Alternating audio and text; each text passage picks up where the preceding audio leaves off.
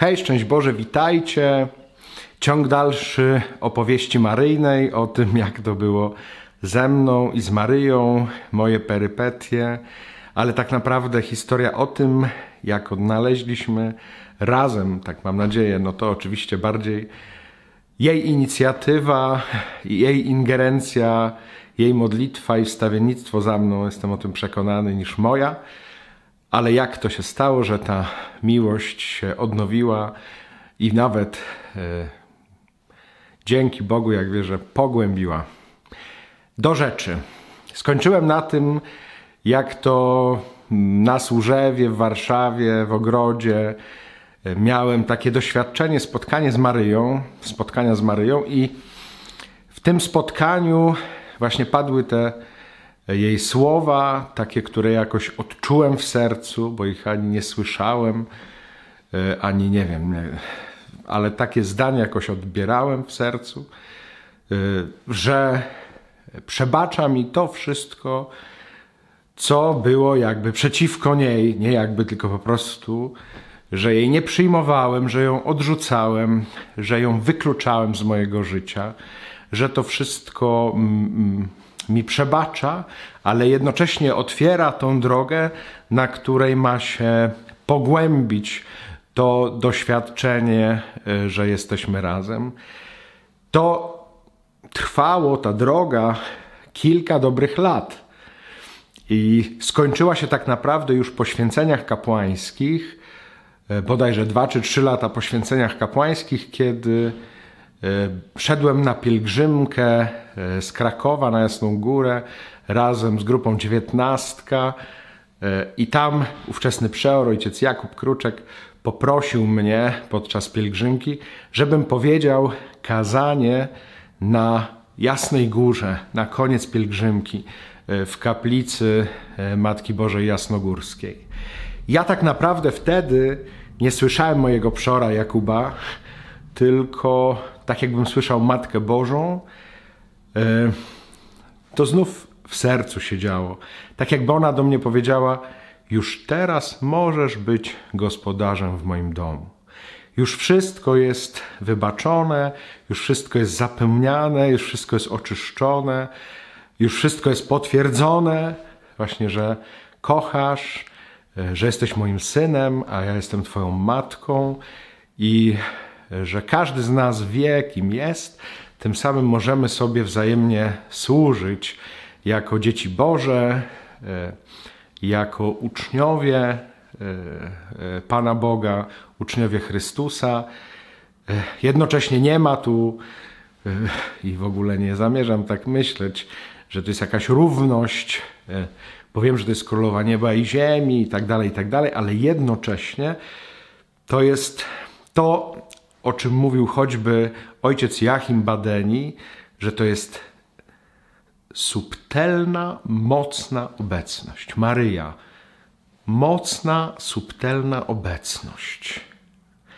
I jako moja siostra, jako moja mama, siostra w wierze, matka duchowa też, e, tak ją odnajduję i cały czas to się też we mnie pogłębia, to rozumienie, Mógłbym o tym jeszcze mówić, mówić, mówić, ale tak naprawdę e, ten Wanted nie jest o tym, tylko mówię o tym, jak to się e, może nie tyle skończyło, co ta droga do czego doprowadziła, że właśnie to spotkanie na Jasnej Górze, kiedy ja mogłem tam wygłosić słowo w jej kaplicy, tego cudownego obrazu, e, tak jak ona jak wierzę do mnie powiedziała, już możesz być teraz gospodarzem w moim domu, to był jakiś koniec etapu takiego oczyszczenia, ożywienia, przebaczenia e, i takiego przyjęcia nowego życia.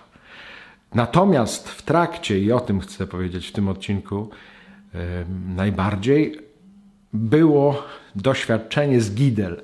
Kiedyś już nagrałem hołka z Gidel i opowiadałem o tym miejscu cudownym, e, gdzie są Dominikanie, gdzie oczywiście Was serdecznie zapraszamy, ale to było dla mnie trudne doświadczenie, ale bardzo znaczące na drodze właśnie pogłębienia tej relacji z Maryją, bo ja już myślałem, że już to wszystko mam e, pojednane, pogodzone, a tu się okazało, że nie do końca.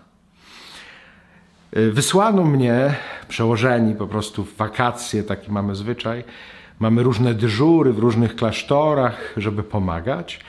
I wysłali mnie przełożeni, nie pamiętam już po którym to po czwartym roku było, e, czy po piątym, do Gidel na dwa tygodnie, żebym pomagał przyjmować pielgrzymów. I gdy tam trafiłem, ówczesny przeor powiedział, że przygotujcie się, żebyście oprowadzali pielgrzymki, to znaczy opowiadajcie o tym sanktuarium, o tym, jak tu Matka Boża działa, właśnie o tym, jak cudownie się tutaj e, zjawiła, o tym, jak jest tutaj w tym miejscu e, szczególnie obecna jako uzdrowienie chorych, Y, o kąpiółce, o tym skąd to winko i tak dalej, i tak dalej. Nie będę o tym więcej opowiadał, bo możecie y, albo sami zawitać do Gidela, albo gdzieś indziej to sprawdzić na stronie Sanktuarium Gidelskiego, czy gdziekolwiek indziej. Natomiast gdy ja tam pojechałem, właśnie będąc jeszcze klerykiem, i przeor mi zlecił to,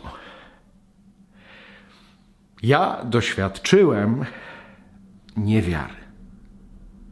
Że owszem, ja wierzę w Maryję, ale nie umiałem uwierzyć w to, że to objawienie w Gidlach jest autentyczne, jest prawdziwe. I tym samym, jeżeli miałbym o tym opowiadać, jeżeli w to nie wierzę, to jest doświadczenie, e, jak już wspomniałem w poprzednim odcinku, hipokryzji, której absolutnie nie znoszę. Przeczytałem o tym objawieniu, no nie mogło to do mnie dotrzeć. Przyjechała pierwsza pielgrzymka, taka autokarowa, tam najczęściej przyjeżdżają autokarowe pielgrzymki, i oprowadzałem, opowiadałem e, historię, oprowadzałem po sanktuarium. E, wreszcie tam właśnie do sklepiku się zaprowadza, tam jest to winko e, z kąpiłki, które się rozdaje. I na koniec już, jak się żegnałem e, z tą pielgrzymką, jakaś pani powiedziała tak, a brat o tym to tak opowiada, jakby w to sam nie wierzył.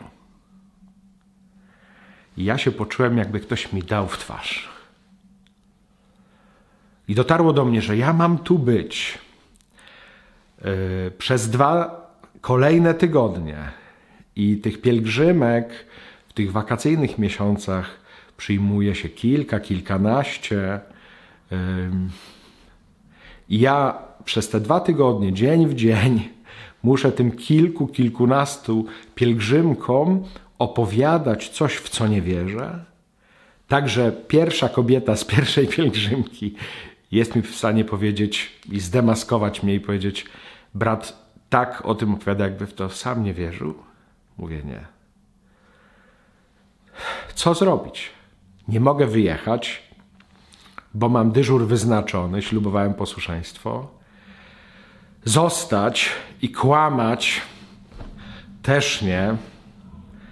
Więc co? Znów trzecia droga. Jaka jest trzecia droga? Już Wam o tym mówiłem pomodlić się. I pomodliłem się bardzo prosto i szczerze. Mówię, Mario, jeżeli to wszystko jest prawdą, to pokaż mi to, udowodnij mi to.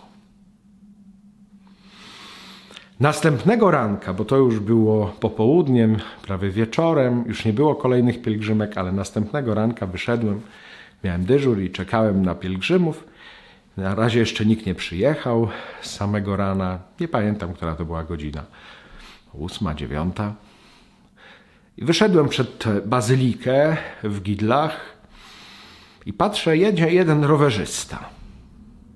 Na takiej kolażówce zbliża się do sanktuarium. Dojeżdża do mnie, jeszcze nie zsiadł z tego roweru, a zaczyna po mnie jechać jak szmaciarz po koniu, ja tak to nazywam, przepraszam. Ale na mnie z góry i mówić tak, ty biały kłamco, ty złodzieju. Ja wcześniej nie miałem za bardzo do czynienia z, no z takim spotkaniem, jak już byłem w zakonie, no może wcześniej, przed zakonem, ale tak w zakonie to jeszcze nikt mnie tak nie potraktował. Jak się okazało później, to był ksiądz, który przyjechał do tego sanktuarium i podobnie jak ja chyba, nie wierzył, że te objawienia w tym miejscu są prawdziwe. Tyle, że wierzyła w to jego mama. I on, ona była chora, on się do tego potem przyznał, i dlatego, że ona wierzyła w cudowne działanie tego winka gidelskiego, e, on specjalnie przyjechał e, na rowerze, żeby jej zrobić e, taką niespodziankę i wziąć to winko z Gidel i jej dać w tej chorobie. Ale zsiadł z tego roweru, gdzieś tam go odstawił i idąc, pamiętam, przez środek tej bazyliki, która była pusta, nie było ludzi, on po mnie dokładnie tak jechał. Ty kłamco, ty złodzieju. Ja nigdy takiego kogoś spotkałem, większego takiego cynika w życiu nie spotkałem. Już później chyba też nie spotkałem. I mówi: To kłamiecie, to wszystko jest nieprawda. Wyorana figurka, co to za pomysł? To absurd i tak dalej. I potem na tym przeszecie kasę, wybudowaliście taki kościół, y, tutaj jakieś złocenia, coś tam i wszystko niby na tym winku i że ta mała figurka 9 centymetrów, że to jest wyorane i w ogóle co do czego i na mnie, że to wszystko dla pieniędzy, że to wszystko po prostu tylko, żeby ludzi biednych okradać i tak dalej, i tak dalej. Powiem szczerze, on po prostu mówił dokładnie to, co ja myślałem jeszcze dzień wcześniej. Mówi, nie prowadź mnie do tej kaplicy w ogóle, bo ja w to nie, wszystko nie wierzę i prowadź mnie do tego sklepiku, dawaj mi to winko, moja mama w to wierzy, ja jej to dam i jest koniec. Ja go zaprowadziłem do tego sklepiku, dałem mu te buteleczki wina e, i gdy mu dawałem te buteleczki wina, słyszę w sercu jakby taki głos. Zmów z nim dziesiątkę różańca. I taki dialog wewnętrzny powstał. Ja mówię, nie zmówię. Zmów, nie zmówię. Zmów z nim dziesiątkę różańca. Nie zmówię. Zmów. Ja mówię, Boże, po prostu zabije mnie śmiechem, jak mu to powiem. No ale z drugiej strony, ostatni raz go pewnie widzę. Chwila wstydu, trudno, ale ten głos był taki dojmujący, mocny, i wiedziałem, że to jest od Pana Boga. No. Więc tak trochę naokoło mówię, a proszę księdza, już ksiądz tak specjalnie się wysilał, tutaj przyjechał, to może byśmy zmówili dziesiątkę różańca. Co ty mi tutaj namawiasz? On mówi na to, ty, ty mydlisz mi tu oczy, tak jak innych traktujesz, coś tam. Ja mówię, no nie, no tak pomyślałem, że mama właśnie chora, też wierzy w obecność Matki Bożej, to może byśmy poszli do kaplicy, ja bym otworzył ten obraz, który zasłania tę figurę i tam pod figurką byśmy zmówili dziesiątkę różańca. Mówi, co ty mi tutaj gadasz?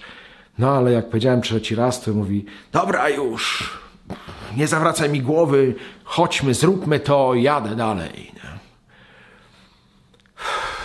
Więc ja przyznam, tam odsuniłem, poszliśmy do tej kaplicy, odsuniłem tę figurkę, i wyjąłem różaniec, zaczynam się modlić. Ojcze nasz, zdrowaś Maria. Szło to jak po grudzie, ale nagle słyszę, tak z boku, bo się, klęczeliśmy tak obok siebie i słyszę, jak on zaczyna sapać tak. Więc tak się zdziwiłem, co się dzieje. Tak patrzę kątem oka, a on trzyma tak, wiecie, tak w, w garści te buteleczkę z korkiem i tak ściska, że aż biało tutaj jest takie, nie? Tak jak się ściska. Więc ja tak się zdziwiłem, że on tak zaciska te pięści na tych e, buteleczkach i, e, i tak zaczyna sapać, więc ja coraz szybciej się przestraszyłem. Zdrowaś Mario, zdrowaś Mario, zdrowaś Mario. On jeszcze bardziej. E, nagle to sfermentowało to winko w tych, w tych dłoniach i nagle puf, te, te korki wyskoczyły z tych buteleczek. Ja coraz szybciej, zdrowaś Mario, zdrowaś Mario. Chwała Ojcu i Synowi i Duchowi Świętemu. I on jak skończyliśmy, powiedzieliśmy chwała Ojcu i Synowi Duchowi Świętemu, nagle się do mnie odwraca, rzuca mi się na szyję, mówi, dziękuję bratu, ja już to, w to wszystko wierzę, to jest wszystko prawda, ja, ja już wiem, że Maria tu jest obecna, dziękuję. Ja tak szczerze, tak przyjąłem to tylko zewnętrznie, i mówię, dobrze, dobrze. I po prostu uciekłem. Już nie zasłaniałem tego obrazu, żeby tą figurę zasłonić. W ogóle jakby uciekłem. On tam został jeszcze na tych kolanach, tam właśnie płakał rzewnie. Przyznam, no, krótko mówiąc, no to możecie w to wierzyć, nie wierzyć, nie wiem, co wy o tym myślicie. Eee, może nie wiem, nie będę. Sobie, co chcecie. Chciałem wam o tym powiedzieć że to była prośba, która została wysłuchana. To znaczy, ja poprosiłem o to, pokaż mi, jeżeli to jest prawda, i dokładnie w tym doświadczeniu Pan Bóg, Matka Boża mi pokazali, że to jest prawda. Nie? Później tylko pamiętam, spytałem ojca Joachima, jak tam ojcze Joachimie Gidle? A on mówi, mocna obecność Matki Bożej, mocna obecność Matki Bożej. To odebrałem od mojego mistrza duchowego jako potwierdzenie tego, nie? że Maryja jest tam obecna. Nie? Mocno, w subtelny sposób, ale też pomaga odzyskać wiarę. Nie wiem, jak wy e, macie z wiarą e, odnośnie Maryi, wiarę w Maryję, z Maryją, nie? przez Maryję, jak to właściwie jest w waszym życiu. Ja osobiście uważam, że to przez to połączenie, że to jest mocna, subtelna obecność i taka jest duchowość też Matki Bożej, że jest jednocześnie królową wszechświata i jednocześnie jest najpokorniejszą służebnicą Pana. I to w niej jest jakby naraz. Nie jest albo to, albo to. Dlatego każdemu, kto idzie taką maryjną drogą, nie jest łatwo znaleźć ten balans. No chyba, że dostanie ktoś taką łaskę, ale tak człowiek sam z siebie w moim przekonaniu nie umie tego balansu dobrze zachować, że albo idzie właśnie w taki triumfalizm, albo w taką nadmierną uniżoność i ukrytość. Nie ma tego naraz, tej, mocy i tej subtelności. I potrzeba nam Bożej łaski, łaski Ducha Świętego. Ona jest pełna Ducha Świętego i nikt jej nie zna tak jak Duch Święty. Potrzeba łaski Ducha Świętego, żeby tą moc i subtelność uchwycić też w swojej modlitwie, w swojej duchowości, w tym jak ja przeżywam obecność Maryi, jak ja z nią idę E, tą drogą wiary. Mam nadzieję, że to, co Wam opowiedziałem, czy w poprzednim filmiku, w poprzednim Wantedzie, czy w tym Wantedzie, mm, że Wam się po prostu to przyda w osobistym odnalezieniu duchowości maryjnej, nie?